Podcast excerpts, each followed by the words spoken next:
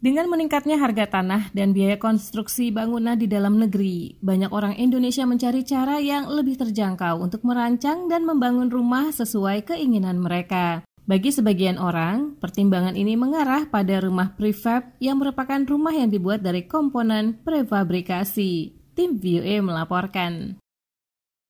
Mudah dipindah-pindah, modis, dan ramah lingkungan. Tiga hal itu erat dengan definisi rumah prefab atau rumah prefabrikasi. Rumah yang konstruksinya dibangun secara cepat dengan modul yang merupakan hasil dari industri pabrik. Tak heran bila kini rumah prefab menjadi alternatif bagi orang muda Indonesia yang ingin memiliki rumah pertama mereka. Paling tidak itu diakui Albert Aaron Pramono, salah satu pendiri PT Akosa yang banyak mengembangkan rumah prefab. Ia mengatakan pada masa pandemi, permintaan akan rumah prefab mengalami peningkatan. The interest is big, Pak. Kita udah mulai banyak inquiry di tahun ini, especially because of COVID.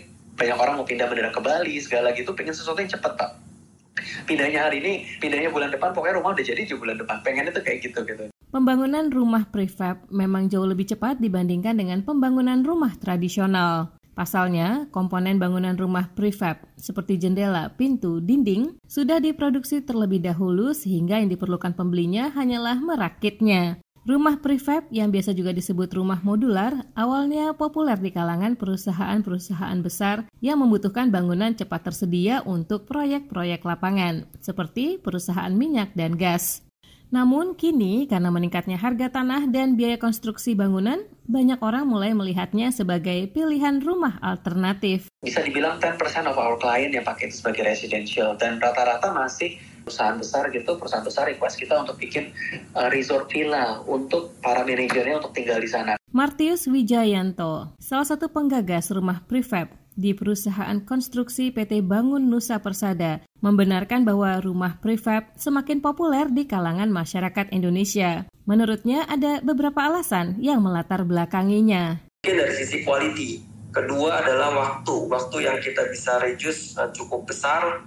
Yang ketiga adalah cost dari waktu tersebut kita bisa efisienkan. Kemudian desain juga kita bisa uh, lakukan dengan satu uh, wadah, satu payung kemudian limbah yang cukup uh, sedikit jadi kita bisa katakan bahwa green uh, bangunan uh, prefab tersebut yang ke berikutnya adalah dari sisi safety dan yang terakhir kita bisa uh, mengabsorb daripada bangunan tahan gempa. Berdiri sejak tahun 2004, PT Bangun Nusa Persada selama ini sebetulnya lebih terfokus pada rumah prefab untuk kebutuhan industri. Namun sejak tahun 2018, perusahaan itu mulai melirik masyarakat umum karena melihat adanya permintaan yang meningkat. Albert membenarkan bahwa rumah prefab lebih ramah lingkungan. Selain tidak menyisakan banyak sampah dalam proses pembangunannya, rumah seperti itu bisa dengan mudah berintegrasi dengan teknologi ramah lingkungan dan mengadopsi prinsip-prinsip konstruksi ramah energi. Terakhir adalah yang paling penting ini Pak, bangunan prefab itu bisa dibangun karena dia ringan kan kecil ya Pak ya. Jadi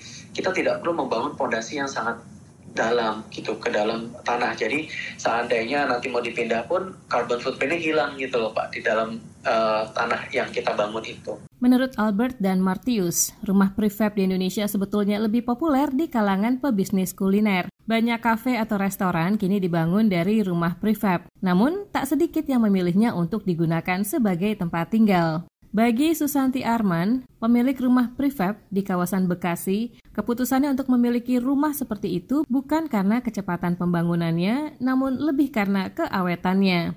Ia, suami, dan seorang anaknya yang masih kecil sudah lebih dari setahun tinggal di rumah mungil berlantai dua itu. Kalau dari sisi harga, cukup terjangkau. Alhamdulillah, saya sih lebih mengutamakan kekokohan dan keawetan bangunan rumah kami. Buat apa dibangun cepat kalau akhirnya gampang ambruk? Saya percaya rumah prefab lebih kokoh. Susanti mengaku rumah prefab miliknya di halaman seluas 70 meter persegi dibangun dengan biaya total sekitar 350 juta rupiah. Awalnya hanya satu lantai, tapi kemudian dibuat bertingkat. Meski demikian, keliru bila menganggap rumah prefab lebih murah. Menurut Albert, untuk ongkos pembangunan, termasuk bahan, sebuah rumah tradisional seluas 40 meter persegi contohnya, membutuhkan dana sebesar 140 juta hingga 160 juta rupiah. Sementara rumah prefab untuk ukuran serupa dipatok dengan harga 200 juta rupiah. Albert sendiri menilai perbedaan itu tidak signifikan, namun rumah prefab pada umumnya lebih unggul dalam hal durability dan bahkan kualitas. Konsumen bisa memilih sendiri komponen rumah prefab seperti kayu, beton, atau logam, atau panel komposit yang terbuat dari aluminium. Harganya bervariasi, tergantung bahan dan lokasi. Misalnya, rumah prefab 40 meter persegi yang terbuat dari bata ringan bisa berharga 90 juta rupiah. Sedangkan rumah prefab seluas 37 meter persegi yang terbuat dari kayu bisa menelan biaya hingga 400 juta rupiah. Di Amerika Serikat, rumah prefab sudah banyak dikenal, dan belakangan ini semakin menjadi pilihan karena bisa menjadi solusi bagi kekurangan rumah dengan harga terjangkau. Menurut Koalisi Perumahan Nasional untuk Keluarga Berpenghasilan Rendah, pada tahun 2021, ada kekurangan sekitar 7 juta rumah terjangkau untuk lebih dari 11 juta keluarga berpenghasilan sangat rendah di Amerika Serikat. Rumah prefab yang diyakini dapat mengurangi biaya konstruksi 20 hingga 40 persen kini menjadi pilihan. Bay Area di San Francisco, jantungnya industri teknologi Amerika Serikat, tercatat sebagai kawasan yang paling membutuhkan rumah seperti itu.